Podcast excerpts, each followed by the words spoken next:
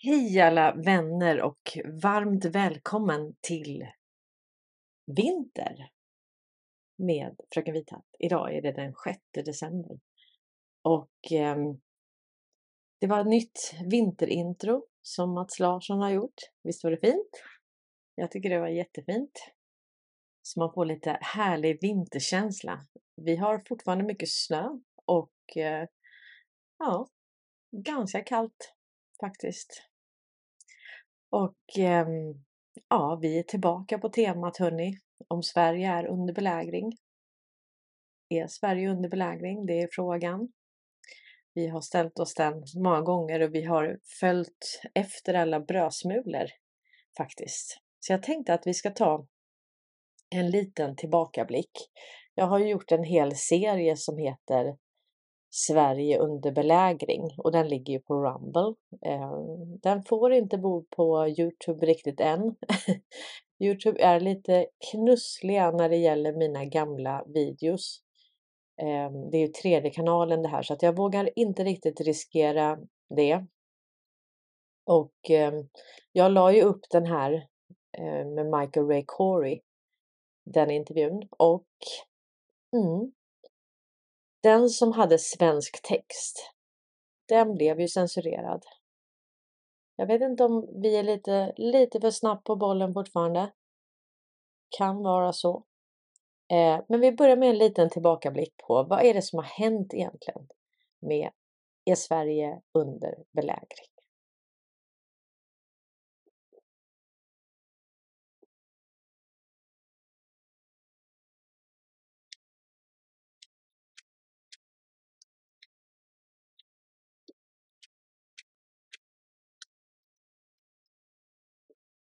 Välkommen till Cornelia Unfiltered. Det här är episod 19 under belägring 3.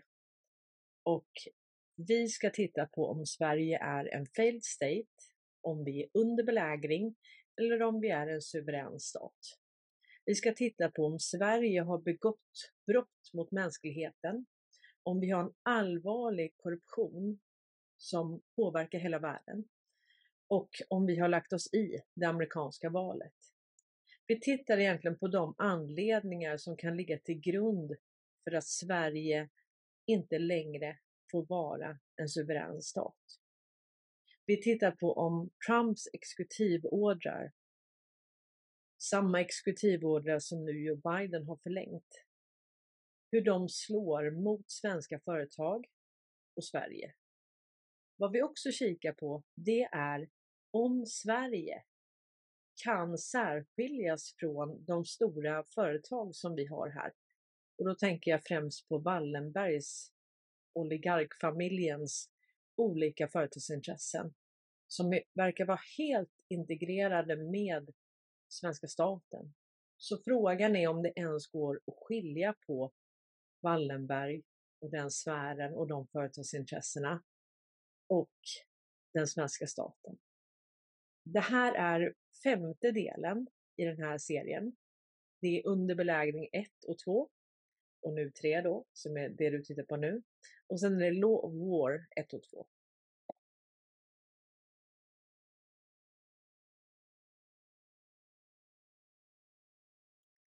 Så, jag har tappat mössan på min eh, mikrofon här så jag försöker hitta den. Eh, men det gör jag säkert snart.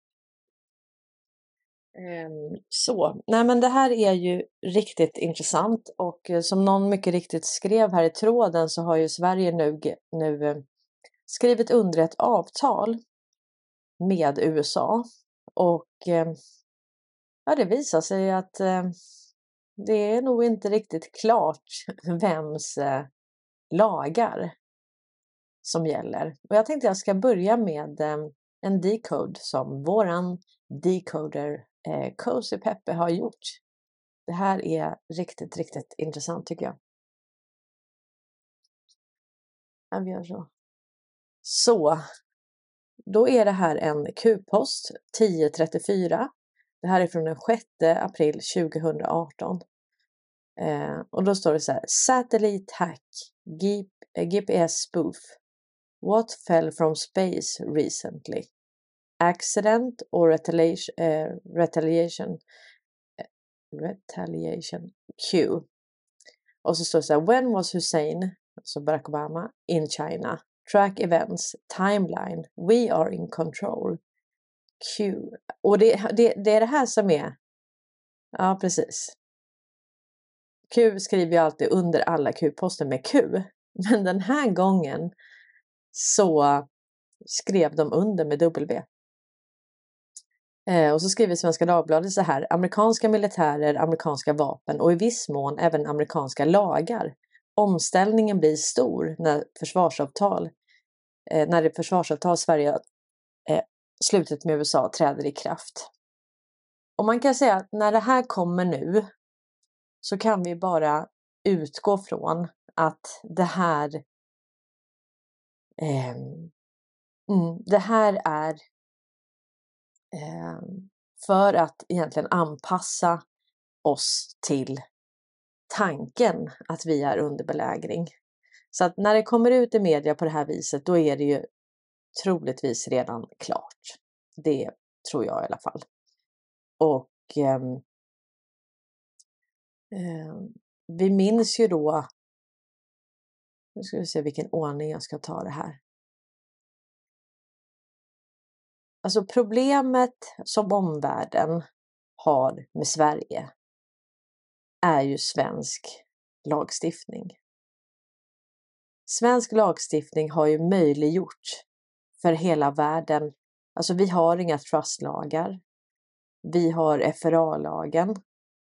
Så att när hela omvärlden har krav på hur man hanterar data, att man får inte spara data i mer än 30 dagar, då har Sverige helt plötsligt en lag på att du måste spara all data i fem år. Mm.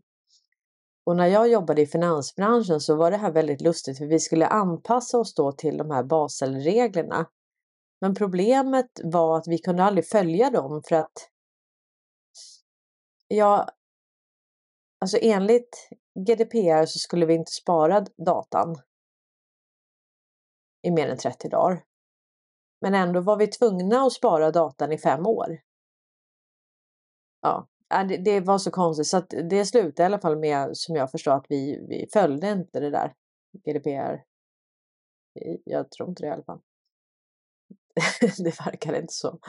Och eh, sen har vi ju pratat om det här med eh, eh abolition då eh, och eh,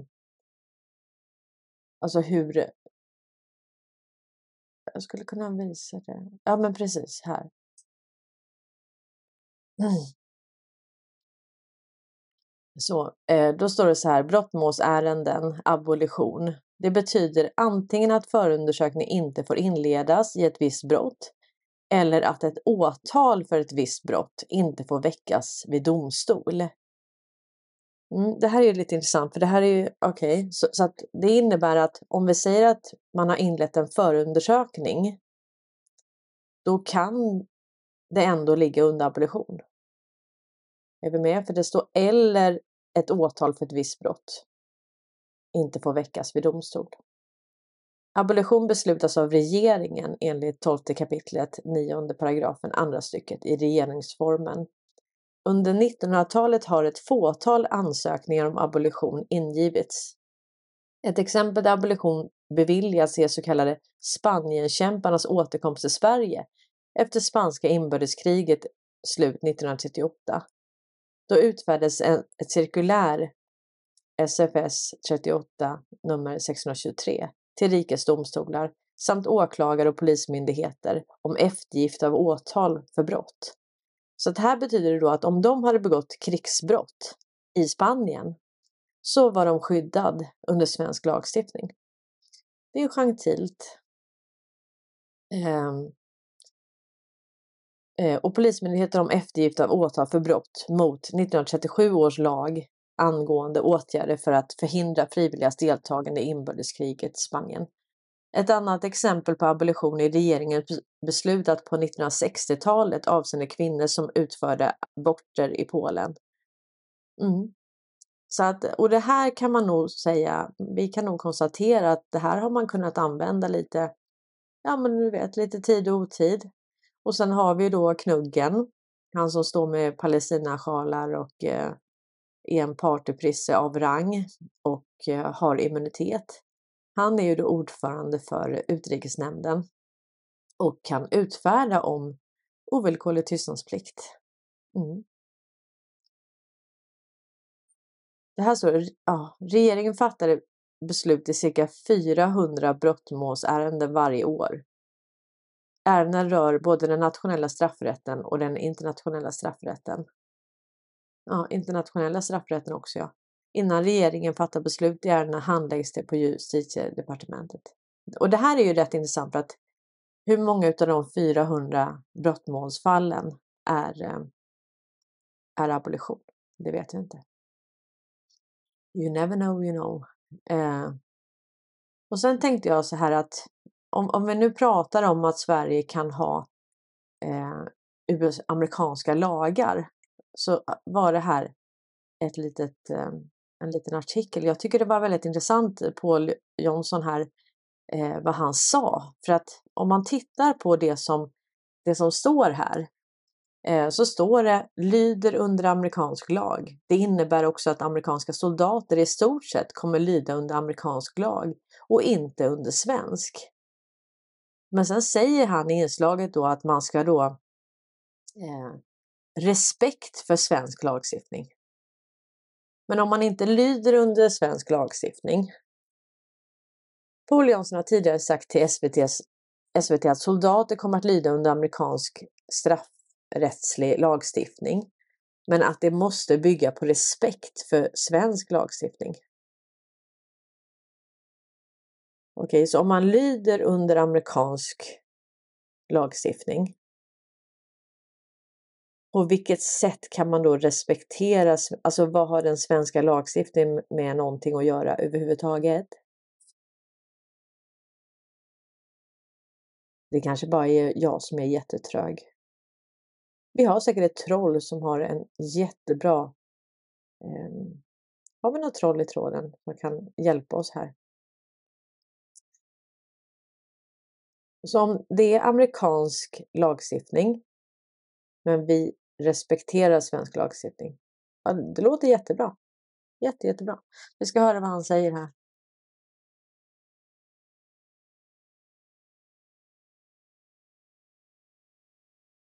Ja, det gör det lättare för USA att kunna bidra till vår säkerhet i händelse av kris eller krig genom att det då eh, eh, ser över de rättsliga förutsättningarna för amerikansk närvaro i, i Sverige. Det kan också skapa förutsättningar för USA att till exempel förhandslagra eh, då militär utrustning. Eh, I grunden är det här eh, ett avtal som också är viktigt för Sverige, men eh, Norge har ju redan ett sådant avtal och Finland och Danmark är i slutskedet i grunden handlar detta också om att det är viktigt för vår säkerhet och de andra nordiska ländernas säkerhet att vi har en stark amerikansk närvaro i norra Europa.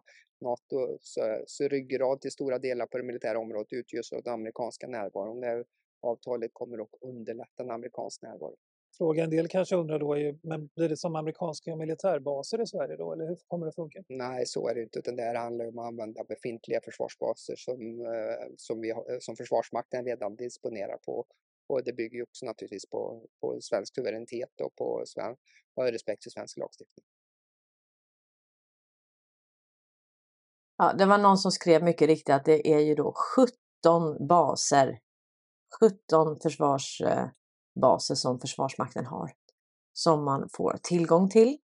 Ehm, och ehm, 17 då, det är ju Q. Så det är lite Qist hörni allihopa. Eh, det var, Sara frågade om Mats Larsson säljer de här bilderna till mig. Eh, nej, Mats Larsson är vaken och ehm, han har en hemsida som heter Mats Art. Så att han har egentligen stöttat den här kanalen redan när jag började köra igång med eh, eh, Desi och Cornelia. Så att han gör alla mina intron och eh, eh, mm, alla bakgrundsbilder och omslagsbilder och allting. Och det gör han för att han vill vara en del och medverka och stötta det här folkbildningsprojektet som vi är inne i i Sverige. Så att det är fantastiskt att det är, vi har olika kompetenser och vi hjälper varandra och vi, eh, vi kompletterar varandra. Ehm, så är det. Så det är jag jättetacksam och det är faktiskt flera utav er som har anlitat honom. Han är ju AD. Ehm, så att han har fått lite uppdrag här och där. Ehm, såklart betalda uppdrag då. Och ja, han är fantastiskt duktig. Och eh, jag ska träffa honom i helgen faktiskt när jag ska till Stockholm. Så vi ska äta lunch på fredag. Så det är ju jättebra. Mm. Och förstår man inte att Sverige behöver hjälp eh, så kan man bara läsa den här typen av artiklar. Att eh, Södertälje tar hjälp av italiensk antimaffiapolis. Eh, polisen i Södertälje har tagit, upptagits i Europols anti-maffia-samarbete. Men va? Har vi maffia i Sverige? Nej. Är det maffia alltså? I Sverige? Det är inte bara Italien då, mafioso och New York och... Nej. Enligt kriminalkommissarie Gunnar Appengren har den kriminell, kriminella världen i Södertälje likheter med den syditalienska maffian Nragenta. I synnerhet vad gäller fa eh, familjestrukturerna. Ja, men vi har ju dessa klaner, det vet vi ju. Kriminella inom familjer utnyttjar sina positioner inom kommun, politik, banker och på många andra olika sätt för att utöva olika former av ekonomisk brottslighet och korruption. Mm. Hörrni, det ser inte så bra ut. Det är tur att vi har assistans. Marianne skrev att är vi under belägring?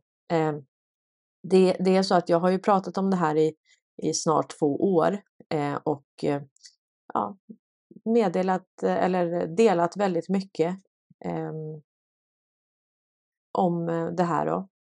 Och eh, ja, det ser ut som det ser ut som att Sverige är under belägring. Så att, ehm, mm.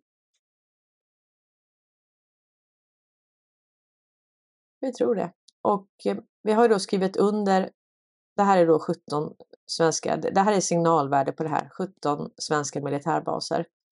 Och sen har vi då det här med eh, eh nu ska vi se.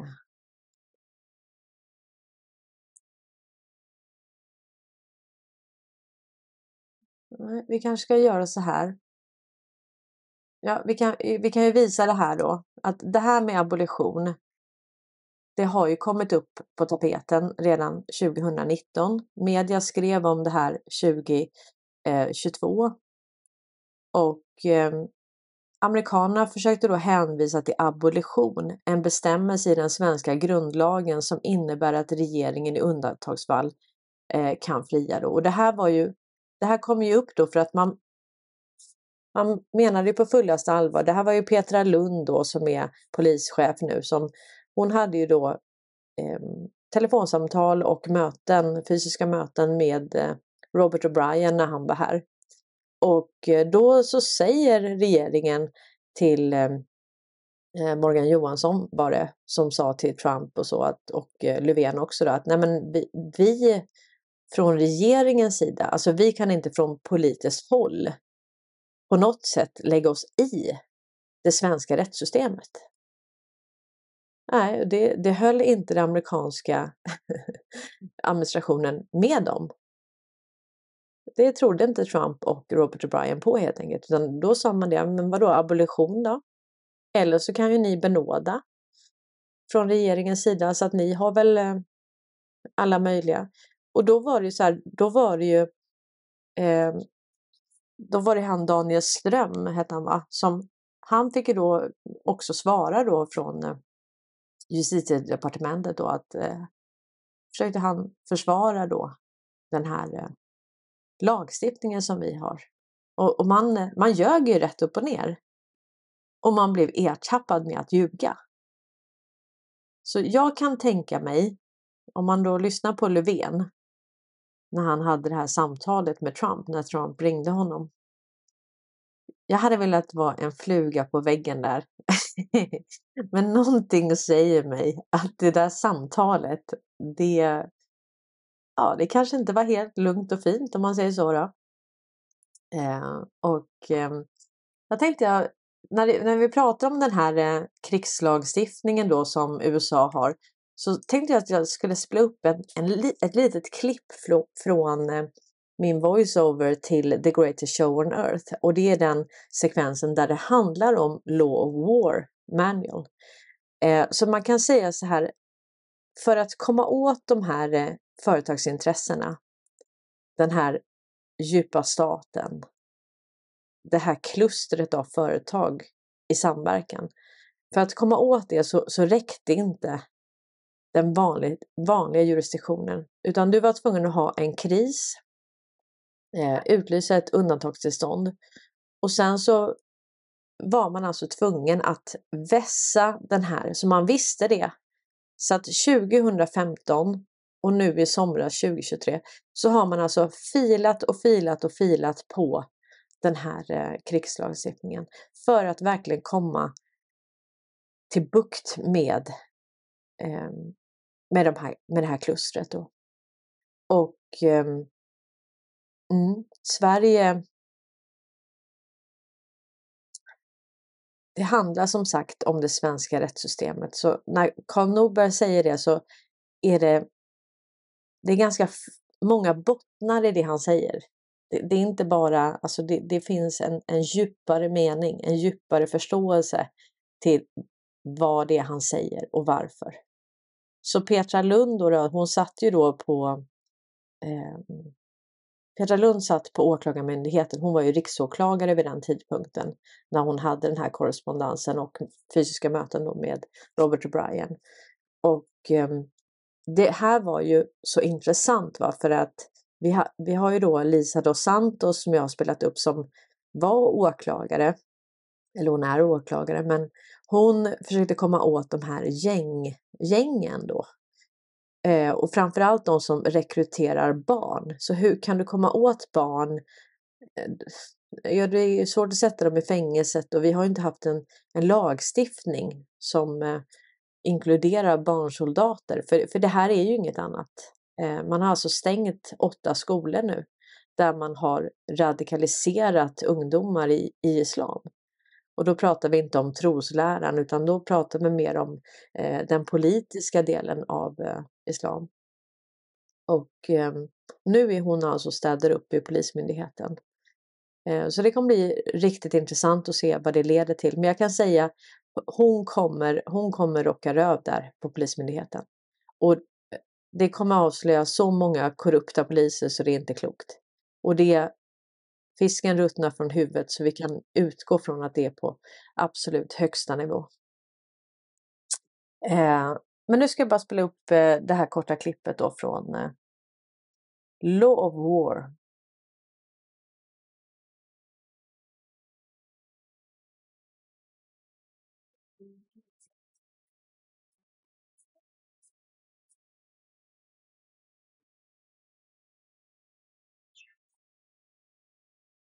amerikanska försvarsdepartementet Handbok i krigslagar Law of War Manual den 12 juni 2015.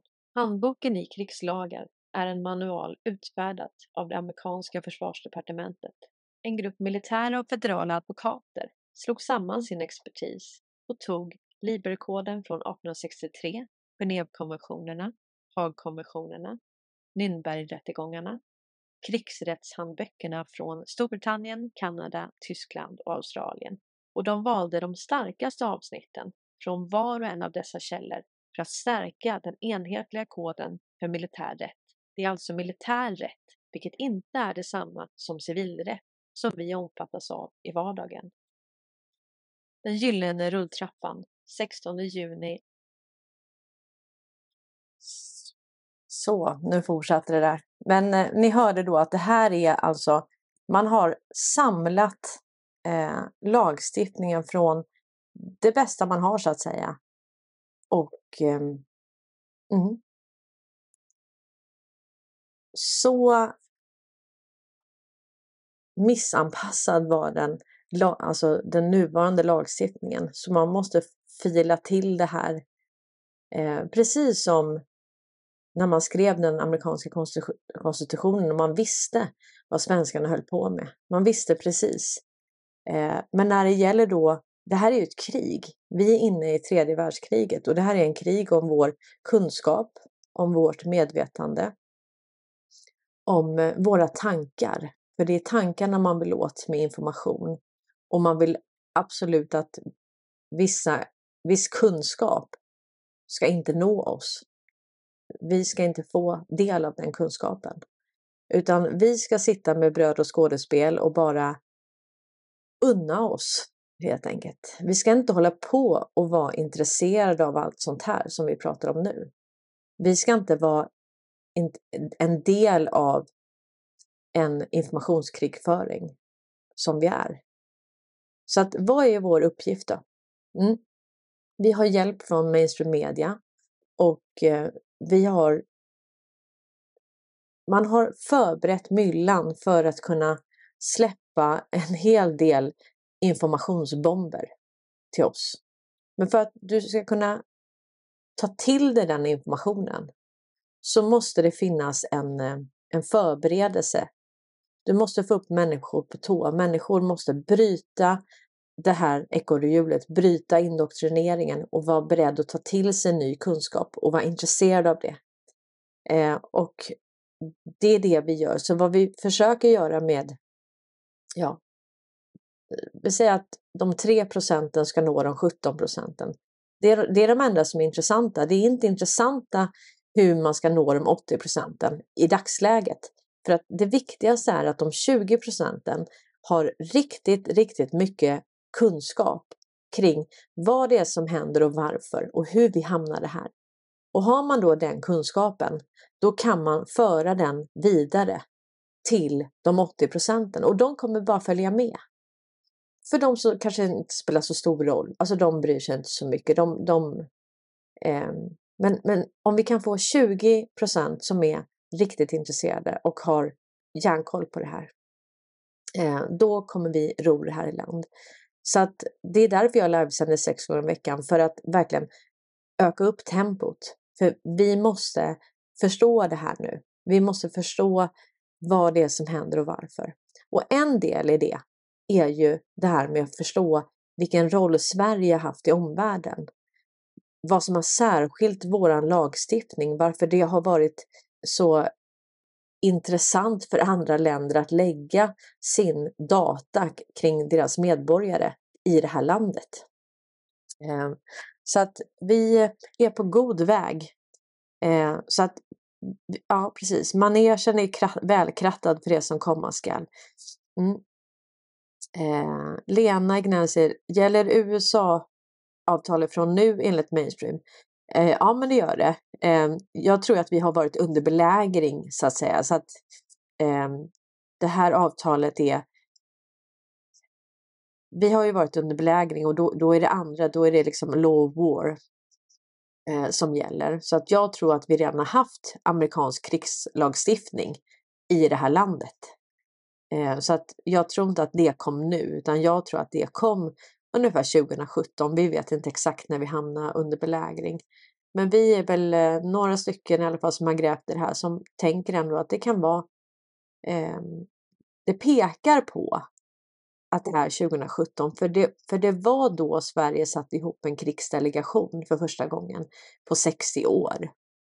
Och du måste ju ha en motpart, du måste ha en kontinuitetsregering, för landet kan inte haverera utan du måste Sen är det så att enligt Law of War så behöver du inte ens meddela eh, du behöver inte meddela den ockuperande makten så att säga. Om de ockuperar Sverige nu eh, så behöver man inte berätta det från, eh, från USAs sida. Då. Eh, så att det är ju väldigt intressant. Och sen är det någon som säger att eh, det var eh, flaggorna var skrynkliga och det är sån där symbolik. Då betyder det, då är det inte mycket mer det där längre då. Eh, Sara Rydman tänkte om man fick köpa bilder. Ja men det får du säkert. Bara hör av dig till Mats eh, så löser han det säkerligen. Eh, Erik Heiser skriver, och vem sitter som hedersordförande i Interpol? Jo, Björn Eriksson, kontantnalle alltså. Han skriver Vive la assistance! Det är fantastiskt. Eh, det börjar och det slutar i Norden. Eh, det säger tyvärr mycket om svenska journalister när det är amerikanska myndigheter som upplyser den svenska befolkningen om abolition. Jag håller helt med dig Erik Heisel där att jag menar tänk att det måste vara eh, Trump och Robert O'Brien som kommer hit och pekar på eh, den politiska inblandning i det svenska rättssystemet. Eh, och jag menar, det är samma sak. Vi har ju trott att kungen, han har ingen makt. Det, det står det på hemsidan, liksom, på regeringens hemsida, att han har ingen makt. Men det har han, han visst. Det är ju faktiskt utrikesnämnden där han sitter som ordförande som beslutar om eh, riksdagen ska ersättas av en krigsdelegation. Och det är också knuggen som beslutar om ovillkorlig tystnadsplikt. Så att han skulle vara obetydlig, det är en ren och skär lögn från början till slut bara. Eh.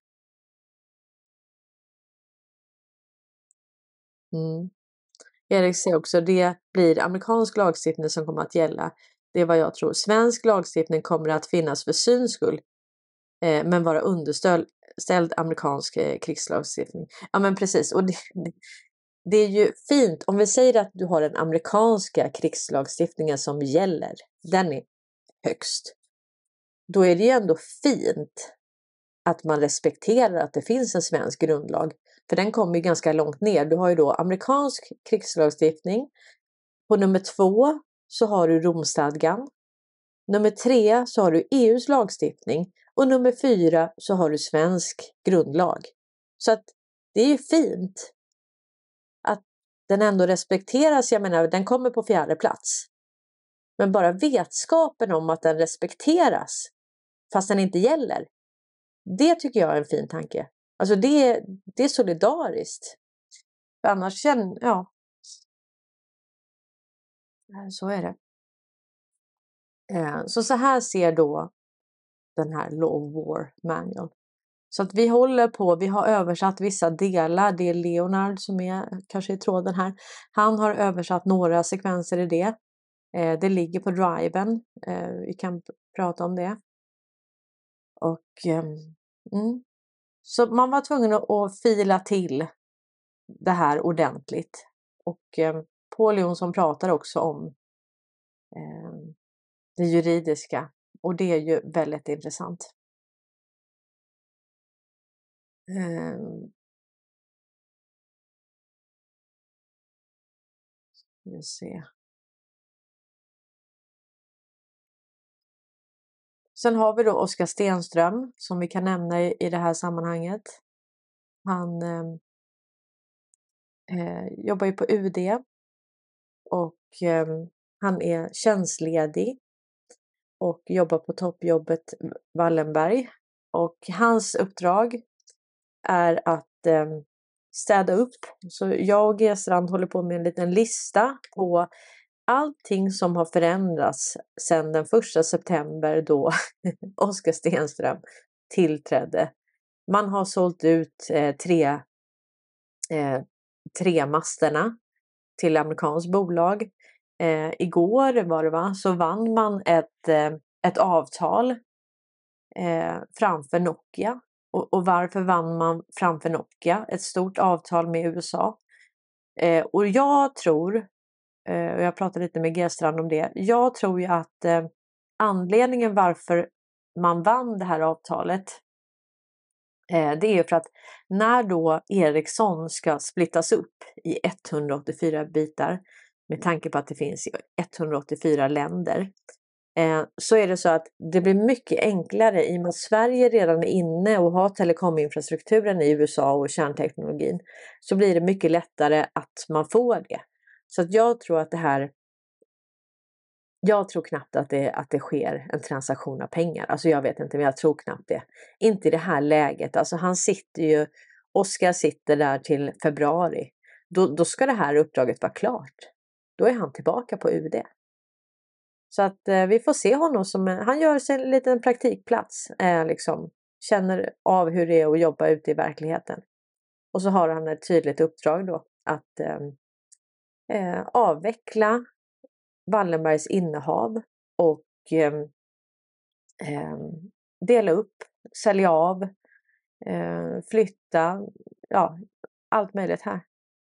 Och det är någon som har frågat eh, AI här hur mycket Wallenberg eh, manage, hur mycket liksom de hanterar i pengar. Och eh, då menar de på att det är 731 biljon eh, kronor. Och jag vet ju inte, nu, nu är det så att media håller på att lära oss nya ord. Nu, nu ska vi helt plötsligt säga biljard, en biljard. Eh, så det här är väl kanske, ja, jag vet inte om det 7,31 biljarder eller om det är 731 biljarder. Och pro problemet med alla de här höga talen, det vet ju vi att de har ju då eh, de har eh, gammal räkning och de har ny räkning på det. Så det kan egentligen vara både liksom eh, eh billion and, eh, alltså biljoner och miljarder och eh, vi kan väl konstatera så här att det är väldigt, väldigt många nollor. Så kan vi säga. Det tycker jag känns bra. Eh, vad säger ni mer nu då? Nu har ni så mycket att tillföra här för att eh,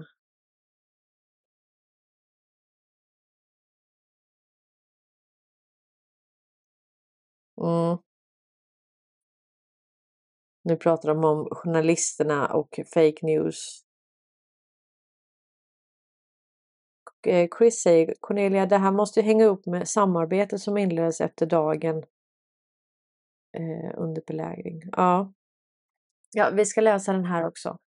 Eh, proposition 74, för den är viktig i sammanhanget. Så att vi bara repeterar, då har vi fått med alla delar tror jag nästan som vi vet om. Och, och jag kan säga så här att det kan vara så att det finns andra delar i svensk lagstiftning som vi inte har koll på ännu. Det kan finnas, jag menar vi får tänka på att vi är en otroligt, otroligt gammal eh, gammalt land och vi har en ännu äldre lagstiftning och vi har alltså en aktiebolagslag som är äldre än hela USA som land. Eh, så det här är gammalt och det, det finns säkerligen andra avarter än just abolition. Men här står det då, det här är då proposition 74 som man klubbade igenom den 4 april 2023. Eh, det här är utfärdat då den 30 mars 2023. Eh, och då står det så här, om Sverige är i krig eller krigsfara får regeringen begära stöd i form av militära styrkor av Atlantiska fördragsorganisationen och av en stat som är medlem i den organisationen eller i Europeiska unionen för att i enlighet med internationell rätt möta ett väpnat angrepp mot Sverige. Regeringen får för detta ändamål överlåta förvaltningsuppgifter till den som lämnar stödet. Eh, och sen paragraf 3 i proposition 74 så står det så här i fred och under krig mellan främmande stater får regeringen begära stöd i form av militära styrkor av Nordatlantiska fördragsorganisationen, av en stat som är medlem i den organisationen eller i den Europeiska unionen för att i enlighet med internationell rätt hindra kränkningar av svenskt territorium. Regeringen får för detta ändamål överlåta förvaltningsuppgifter till den som lämnar stödet. Um, mm. Så att det här är väldigt Eh, det här är kan man säga en, en förberedelse för Ja, vi kanske har lite olika syn på det här, men, men jag tänker så här att om vi har amerikansk krigslagstiftning. Eh, vi säger att den, den är högst gällande och sen kanske det finns då att i vissa lägen så respekterar svensk lag eller gäller svensk lag. Alltså vi vet ju inte exakt hur det här är ju ingenting man pratar om öppet för det, egentligen så har vi som befolkning, vi har ingenting eh, med det här att göra på, på det viset att, att de måste inte berätta för oss. Um, och, och det är väl nu som folk börjar bli intresserade av de här delarna. Innan har man nog kanske inte sprungit ner sig eh, för att läsa på regeringens hemsida och så vidare. Så det är klart att eh, pandemin och, eller pandemin då, det är klart att den väckte väldigt många. Väldigt många blev ju intresserade helt plötsligt och eh, vaknade upp till att eh, vi kanske ska ha ett samhälle. Vad säger ni? Ska vi ha ett samhälle? Mm. Men gå jättegärna in och kolla på den där The Greatest Show on Earth eh, för att den, den förklarar väldigt bra eh, hela den här processen. Och den ligger ju bara på Rumble och Telegram och Facebook och så, men den ligger inte på Youtube. För den blev ju eh, stoppad där direkt. Då. Och det tror jag hade att göra med musiken. Det är ju synd att det är musik som man inte har rättigheter till. Men som sagt, den ligger på Rumble i alla fall och de andra plattformarna. Det här är väldigt intressant med eh, eh, hur man då planerade och genomförde den här eh, nedtagningen av den djupa staten. Eller med de här klustren av företag och företagsintressen. Som man inte har kommit åt tidigare för att man inte haft eh, jurisdiktion. Eh, så det är väldigt intressant. Nu ska vi se. Sen tycker jag att eh, vi vet ju att Mike Pompeo, han reste ju runt och eh, han försökte ju få länder då att skriva på det här clean internet. Så vad som kommer hända då, det är ju så här, som vi har fått för att skydda våra personuppgifter, det är GDPR. Q säger att vi ska skydda vårt DNA. Vi ska inte hålla på att ge bort det för de har alltså samlat in vårt DNA. Eh, och de har forskat på det med, med gensaxen och CRISPR och allt det här. Och, eh, och sen har vi då eh, Internet Bill of Rights. Och Internet Bill of Rights det är någonting som eh, det kommer också skydda oss och det är också en ny lagstiftning som kommer gälla globalt. Eh, och det handlar ju om att man ska inte kunna liksom skjuta annonser på oss. Alltså man, har ju, man har ju sålt våra personuppgifter. Och Petri, är inne på, Petri Andersson är inne på någonting och det är lite intressant för han pratar om att det här är ju typ det här måste ju kunna klassas som människohandel för det är ju ändå det är ju en handel med våra personuppgifter. Så att de kapitaliserar ju på det utan vårat medgivande eller kunskap. Liksom. Um, nu vet många av oss om det, men ändå. Så att det där är intressant. Så att Mike Pompeo han åkte ju runt och eh, han var ju CIA-chef. Och han sa det, we lie, we cheat and we steal. Vi ljuger, vi fuskar och vi stjäl. Och det är det man gör på underrättelsetjänsten. Och här har vi Tacke Karlsson då. Den nya Tacke Karlsson, inte den gamla Tacke Karlsson från Sverige, från Gotland. Eh, som införde Ehm, kommunismen i Hollywood. Utan nu pratar vi om Tagge Carlson som har hoppat av Fox News och han sitter hos Roseanne Barr. Och då berättar han faktiskt att eh, Mike Pompeo han eh, försökte mörda Julian Assange. Och det här var ju... Och han undrar då varför, hur det kan komma sig att inte han har blivit ställd inför rätta för det. Och det, det, kan väl utgå för att det kommer han bli om han inte redan har blivit det. Vi vet ju inte hur, vad det har skett för militärkriminaler och eh, det finns ju också bilder på honom där han ser annorlunda ut eh, än vad han gör, gjorde tidigare. Han blev ju väldigt smal helt plötsligt. Ni kommer ihåg det? Det var ju nästan som en ny, ny människa. Eh, och eh, så, så jag tror, men det här, är, det här är nog dags att komma ut nu om Tage Karlsson berättar det här.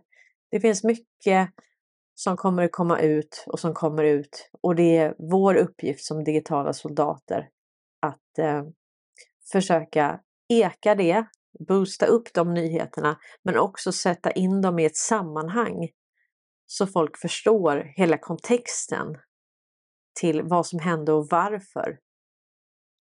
För bara en lösryckt nyhet, det, det, det är många som inte kan läsa in det i ett sammanhang så att säga. Så vi ska lyssna här på vad Tucker Carlson säger.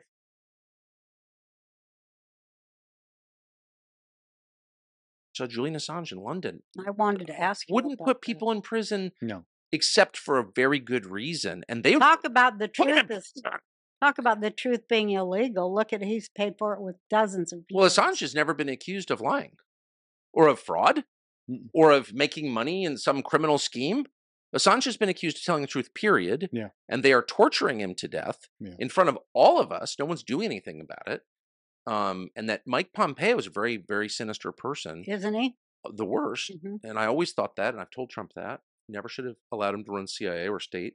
But Mike Pompeo tried to have him murdered. And that's a criminal act. He Is was not even charged with a crime in the United States. And Mike Pompeo was CIA director. This came out. Pompeo didn't deny it. I never heard this. Oh, yes. Oh, I absolutely. saw it. Oh my god. He tried to have Julian Assange murdered, poisoned in the Ecuadorian embassy in London. And that's a fact, Wow. okay? And it's been established. And, okay? Yes. Why is Mike Pompeo not? I saw Julian Assange. Mm. Det är intressant. We lie, we cheat and we steal. And we murder. Det vet vi ju att eh, underrättelsetjänsten har ju gjort extremt många wet jobs mm. och false flags och eh, saker som inte riktigt är det man tror att det är. Eh, och sen har vi Elon Musk nu och han försöker nog eh, han försöker ta upp det här med pianister. Skjut inte pianisten brukar man säga. Och då skriver Elon Musk så här. So you're not mad at those who lied to you for years, but you're mad for, at me for providing they lied to you. Så att han berättar att de ljög. Och då är det, då är det Elon Musk man blir arg på för att han berättar om det. Och det ser vi ju nu. Det är väldigt många som vill få honom till att vara det ena och det tredje. Och eh, det har han säkert varit. Eller så har han varit planterad där. Jag menar, vi vet att det har varit infiltrerat. Alltså åtminstone sen, sen eh, Kennedy mördades då. Om han nu gjorde det. Det. Jag tror han gjorde det, men det kommer också information om att han inte gjorde det. Och eh, nu cirkulerar också sådana här bilder eh, på na- nazister då. Eh, det här är lite intressant också. Eh, the truth will shock the world regarding this Q said. This is why the fourth reach survived up till 2021. Så här menar man då att det här är eh, Hitler. Och eh, ja, man ser likheter där. Det kan vara det, det kanske inte är det. Det vet vi inte.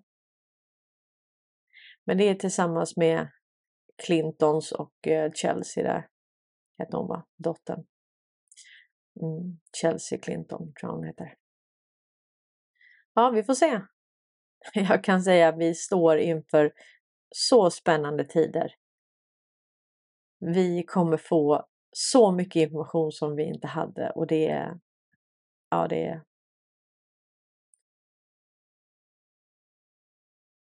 Och det är lite spännande liksom att alla vi kommer bli lika överraskade. Jag tror att det kommer komma så mycket som är, det kommer överraska oss allihopa. Eh, så det är ju faktiskt eh Och sen var det en ny person nu som, eh, som hade en biljard på sitt konto på Nordea. Och eh, ja, jag känner lite folk på Nordea och jag kan säga att det är... Och sen är det vissa som hakar upp sig på att Nej, men det är bara ett visningsfel. Ja, men det är inte poängen. Det är inte poängen, det är signalvärdet i hela och, och vi har många sådana där som bara vill, de vill tro på narrativet så de bara, men hallå, det står ju så här. Ja, men det är väl klart att det inte är biljarders biljarder på folks konton, det säger sig självt. Det säger sig självt, men vad gör det här för trovärdigheten? Om vi säger att du bara kan trycka siffror på en skärm. Mm. Då, då skapar det ju en förtroendekris. Och det är det signalvärdet man vill åt. Så när vi bara skrattar åt allt sånt där, då gör ju vi precis rätt. För, då får ju det, det sänker ju förtroendet. Än att man ska nu börja tänka ut vad det är för, vad pengar är för någonting. Och eh, sen får vi hjälp då från mainstream media. Som nu eh, så skriver man då om det här med eh, eh Riksrevisionen riktar skarp kritik mot Riksbankens köp av värdepapper. Och, och det är ju så här att när Riksbanken låg och stödköpte aktier så var det alltså sommaren 2021 och då hade man alltså konsulter från Blackrock här under två månaders tid. Och då var det så att den, alltså Federal Reserve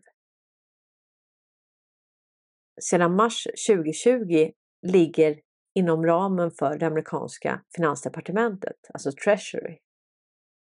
Och då anlitade man, i och med att det var ett undantagstillstånd, det var ett krigsläge och eh, då har alltså presidenten rätt att beordra företag att flytta hem eller producera annan typ av varor, vad man nu behöver i krig. Och där tvingade, eller där fick Blackrock uppdraget att stödköpa aktier eh, åt Federal Reserve inom ramen för Treasury. Så där kan man säga att där tog man kontroll på det här att Vanguard och Blackrock och så. Det, det är övertaget. Det, är, det, det låg under Wallenbergs paraply och i och med att man hade ett undantagstillstånd och ett krigsläge så hade man alltså rätt eh, till det. Och det var ju de som var här och genomförde. Och nu, man, man stödköpte då värdepapper.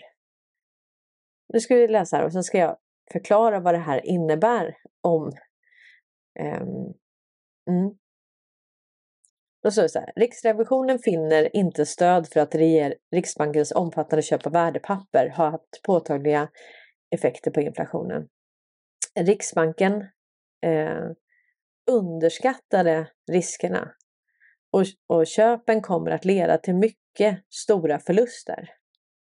Under åren 2015 till 2022 köpte Sveriges riksbank värdepapper för betydande belopp. Huvudsyftet var att stimulera inflationen som då var låg i förhållande till inflationsmålet om 2% Vid utgången av 2021 uppgick innehavet till 975 miljarder kronor.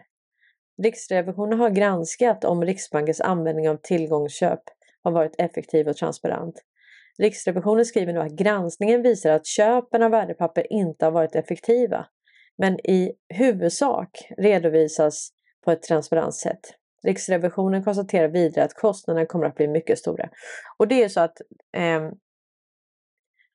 för att förklara det här då så kan man säga att när man köpte de här, eh, man köpte framför allt obligationer och då köpte man till exempel i SEBs bostadsobligationer. Då innebär det att man köper upp lån, det är det man köper, man köper upp obligationer. Alltså inte statspapper men papper på fastigheter. Då. Är med? Obligationer på fastigheter. Det köpte man framför allt. Det var en väldigt stor andel.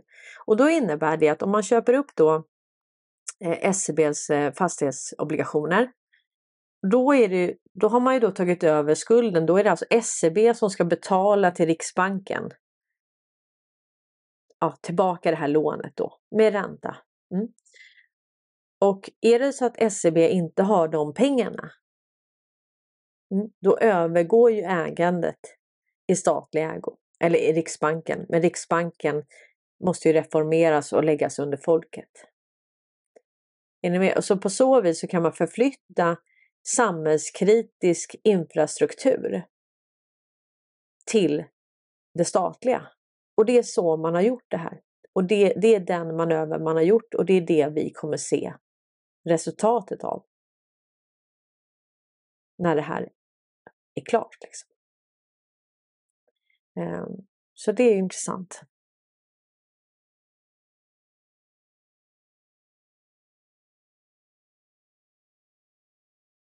Mm.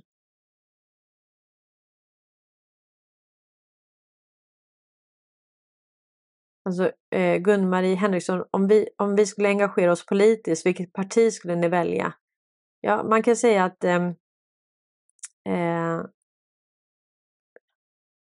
det är ju ekonomin som styr politiken. Så i och med att det inte det finns inget politiskt parti som, som skapar våra pengar utan det är privata banker som gör det. Så, så finns det ju inte så mycket att besluta om. Jag menar om allting samhällsbärande är privat. Vad är det då politikerna ska, ska besluta om? Så att jag tror att ingen på den här kanalen tror på det här med... Eh, det är ingen som tror helt enkelt på det här med politiken för de, de har ju ingen makt. Utan jag hade faktiskt en diskussion nästan i natt om, om det här med eh, eh, kapitalism. Eh, och om vi, om vi ska då ta definitionen på kapitalism. Om vi pratar om kapitalism då. Mm. Alla de här ismerna, det är precis som politiska partier. De är ju skapade för att polarisera. Det är en polaritet. Det är motsatsförhållanden. Och då står det så här, kapitalism är ett ekonomiskt system inom vilket huvuddelen av produktionsfaktorerna är i privat ägo. Vi har ju egentligen inte kapitalism, för vi har ju då vi har ju privat ägo, eller det har vi inte heller, men vi har privat i kombination med statlig. Det är definitionen på fascism då. Och då står det så här, några karaktäriserade egenskaper hos kapitalismen som ekonomiskt system är konkurrens. Mm. Vi börjar där, konkurrens. Vi har aldrig haft fri konkurrens. Det har aldrig funnits någon konkurrens på riktigt.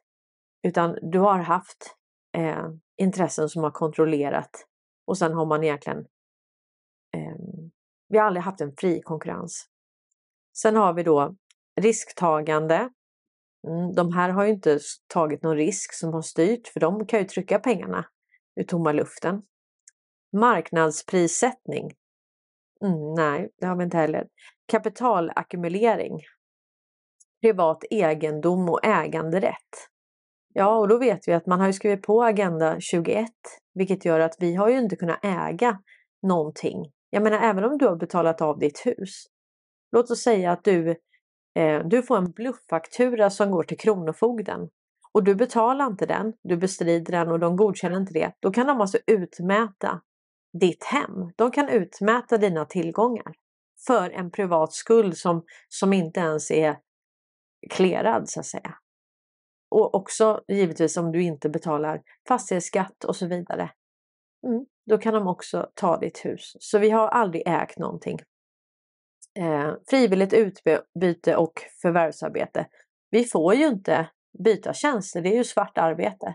Så att med, med det här sagt så kan man säga att i och med att om vi tittar på definitionen av kapitalism och vi kan konstatera att Inget av det har vi haft på riktigt, utan då har det bara varit en illusion av någonting. Precis som eh, politiken är en illusion av att du kan påverka genom att rösta.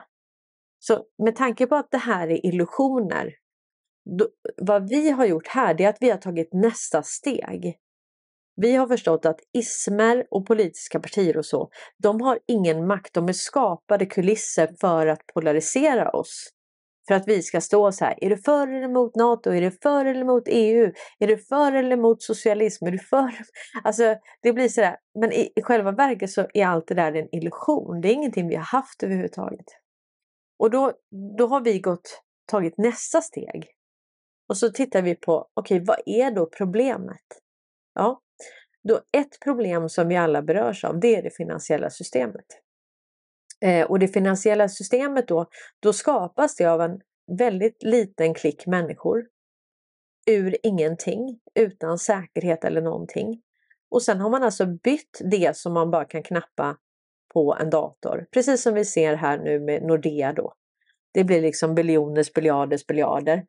Eh, ja, så om man bara kan knappa dem på en dator, vad är motprestationen då? Det, det här är ju urtypen av ockerränta. Ja, men vi ska betala ränta på det resten av livet och till och med om vi säljer vårt hus med förlust, då kan vi få stå kvar med en skuld och den är ju evig. Ända fram på mitten av 1800-talet så hade vi gäldstugor här. Mm. Så att eh, eh, problemet där och det finansiella systemet, det skapas av ett fåtal ur luft. Det byts mot våran frihet, våran tid, våran arbetskraft, eh, våra tillgångar för de byter sina fiktiva pengar, deras luft. Och sen betalar vi av det med surt förvärvade slantar som vi har jobbat ihop och så vidare. Eh, så det här är problemet då. Och problemet med det här det är också att vi har människor som har suttit och, och lagrat de här pengarna. De har hamstrat pengar, vilket har lett till likviditetsbrist och det har gjort att man hela tiden måste trycka nya pengar. Du måste hela tiden få ut nya pengar i marknaden. Och inte bara det utan man har ju också då betalat av eh, räntan på lånen och räntan den är inte skapad ännu så att man kan säga hela tiden så hamnar det ett underskott så att i och med att du betalar av eh, pengar på var, alla digitala transaktioner, du betalar av pengar för att eh, eh du betalar räntan eller du sitter och lagrar pengar för du tänker att det där kan vara bra att ha någon gång i framtiden.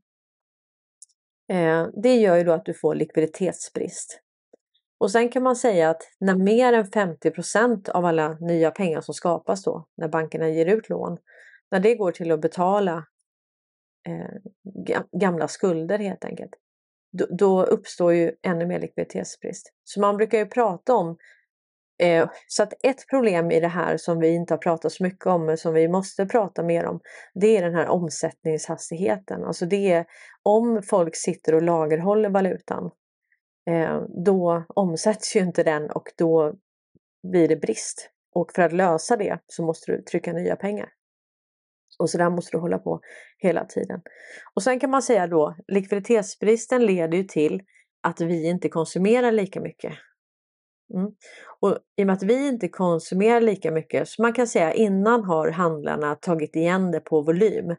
Nu när volymen minskar, alltså konsumtionen minskar, våran köpkraft minskar, vi, vi handlar mindre. Ja, då måste de ju höja priset för att kunna tjäna lika mycket pengar. Så antingen får du ta ett högt pris och sälja färre enheter eller så får du ta ett lågt pris och då måste du sälja väldigt många enheter. Så nu när vi ser bankerna då, eh, bankerna tjänar ju mer pengar än vad de någonsin har gjort. Och då måste de alltså ha tagit igen det här på volym. Så de har lånat ut väldigt, väldigt mycket pengar. Eh, nu åkte en dammsugare igång här. Men eh, vi var väl i stort sett klara med det.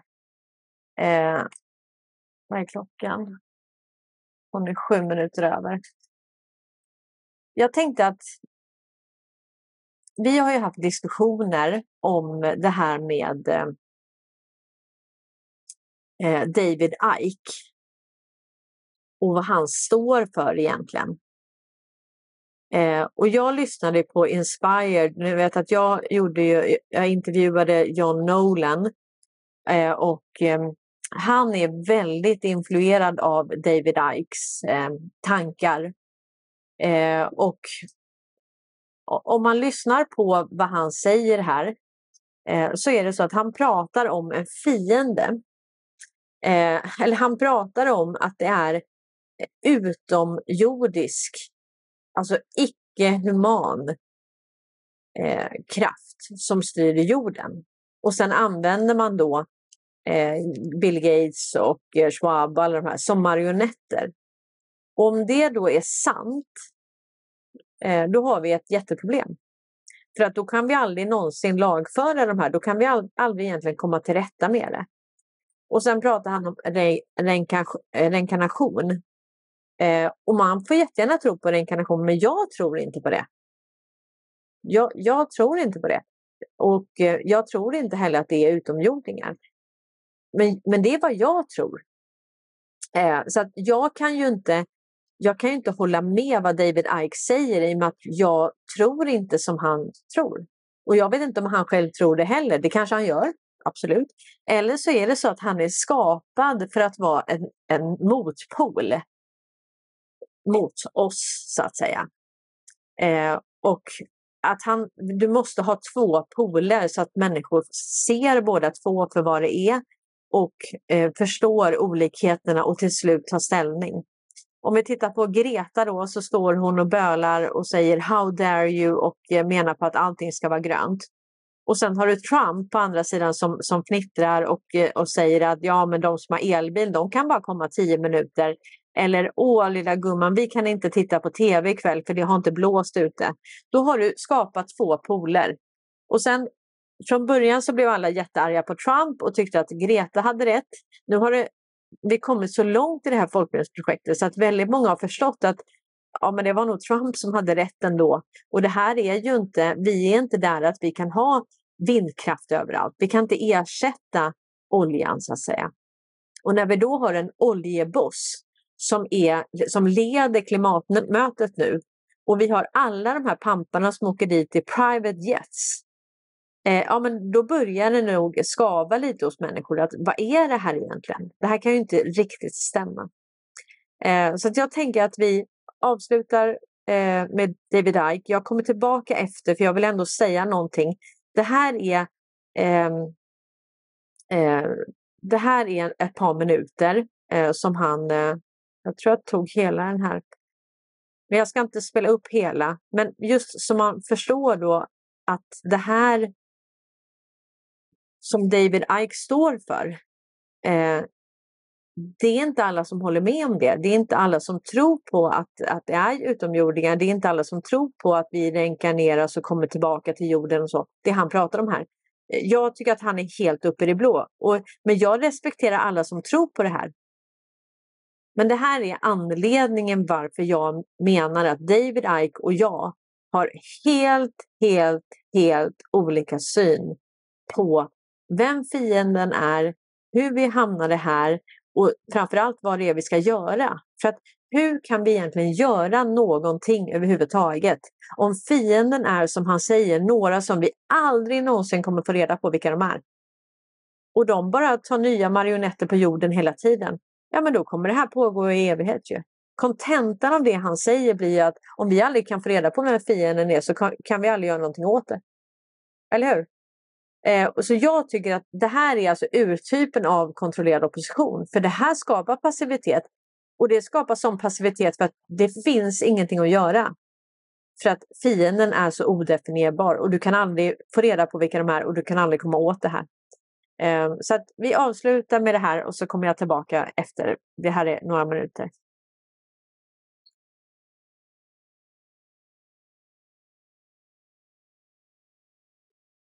The biggest trap that researchers and seekers of truth can fall into is reaching at any point the idea that they've got it.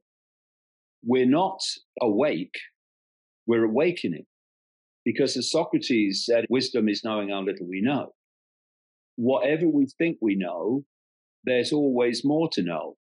And so I've gone on going deeper in the rabbit hole and asking where all this is coming from, what's going on in the world today. There's no way it could be orchestrated purely by people sitting around the table deciding their next move. It's much bigger than that. So, how big and where does it go? Where does it come from? What we see and therefore think we know about what's going on is only a fractional part of what there is to know. So, what I've done over the last 32 years is span out from just the daily news and what's happening, what Klaus Schwab has said or Gates has said or any of these people. And I want to know what's behind them. I realized that beyond the global cult, the global secret society network, was a non human force that was manipulating human society to its own ends. The agenda that's unfolding is anti human. All essential areas of human life are being targeted. If you awaken to expand your consciousness beyond the third dimension, beyond the fourth dimension, and you start enter the realms of the fifth dimension, you're then tapping in to information, knowledge, awareness, knowing that is not being tampered with by the simulation. And that's what we call waking up. That's when people start to see things. Why didn't I see it before? Because you were within the simulated, manipulated reality before.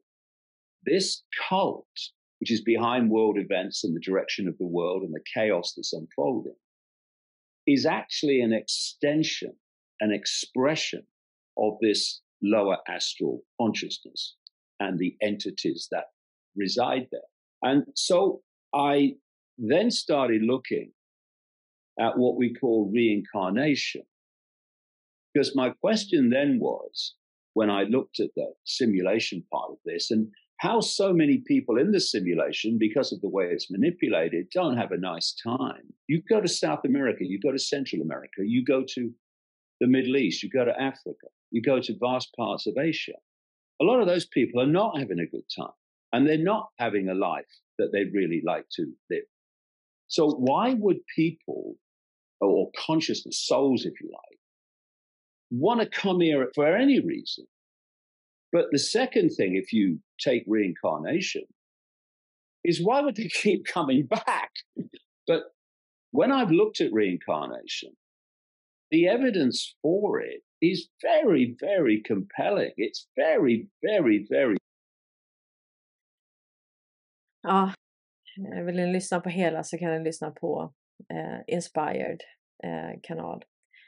Eh, nej, alltså det, för mig är det där flum-flum. Det, jag tror inte en sekund på det han pratar med, reinkarnation och, och allt det där.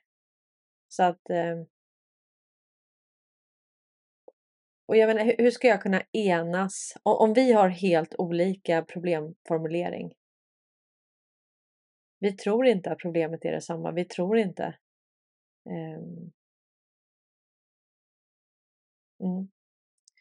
Ja, det är någon som skriver här att off-grid och reinkarnation, det, det är inte samma sak. Utom, nej, det är klart att det inte är. Men off-grid så är det så här, då, då, blir det ändå att du tänker på dig själv, att bara jag har det bra. Jag kan gå off-grid. Jag kan, jag kan jaga, jag kan klara mig, jag bor på landet. Men de som bor i, ett, i en hyresrätt, de som är sjuka, gamla, fattiga, hur, hur ska de klara sig då? Och då blir det så här, då blir det inget samhälle. Utan då är det så här, bara jag har det bra, bara jag klarar mig. Men det är ju faktiskt så här att om vi inte allihopa klarar oss, då finns det inga varor att köpa. Så alla de som säger, hur ska jag rädda mina pengar? Ja, men vad är det löna om du inte ens kan ha någonting att handla? Du kan inte ens handla någonting. Som på Kuba. Du kan ju, då kan du gå och äta dina pengar då. Ät dina ettor och nollor. Du har räddat dina pengar, men alla andra går i konkurs. Då finns det ju inga som, som producerar maten. Då försvinner ju all... Om alla andra försvinner så blir det ju det blir kajko ändå. Så någonstans måste vi bestämma oss. Vill vi ha ett samhälle? Eller vill vi inte ha ett samhälle? Om vi ska ha ett samhälle, då ska det gynna fler än ett fåtal. Men om några som kan klara sig går off grid, ja då blir ju vi av med dem. Då är det ju ännu färre som klarar sig än tidigare. Då har vi ju inget skyddsnät överhuvudtaget. Jag vill bidra till ett skyddsnät som gäller för alla. Jag vill ha ett samhälle tillsammans med er. Och jag vill att vi ska kunna ha en arbetsdelning. Och jag vill att vi ska kunna betala för de varorna och tjänsterna med ett betalningsmedel som inte bygger på en skuldmyntfot. Och det är det vi kommer få.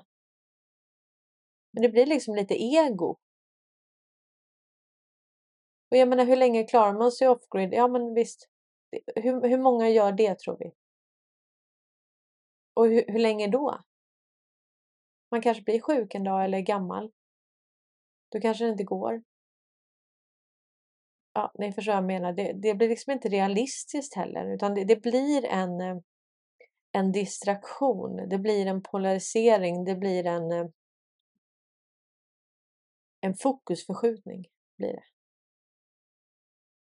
Så tänker jag i alla fall. Så nu har jag benat ut det. Och nu är det så här att jag skjuter inte budbär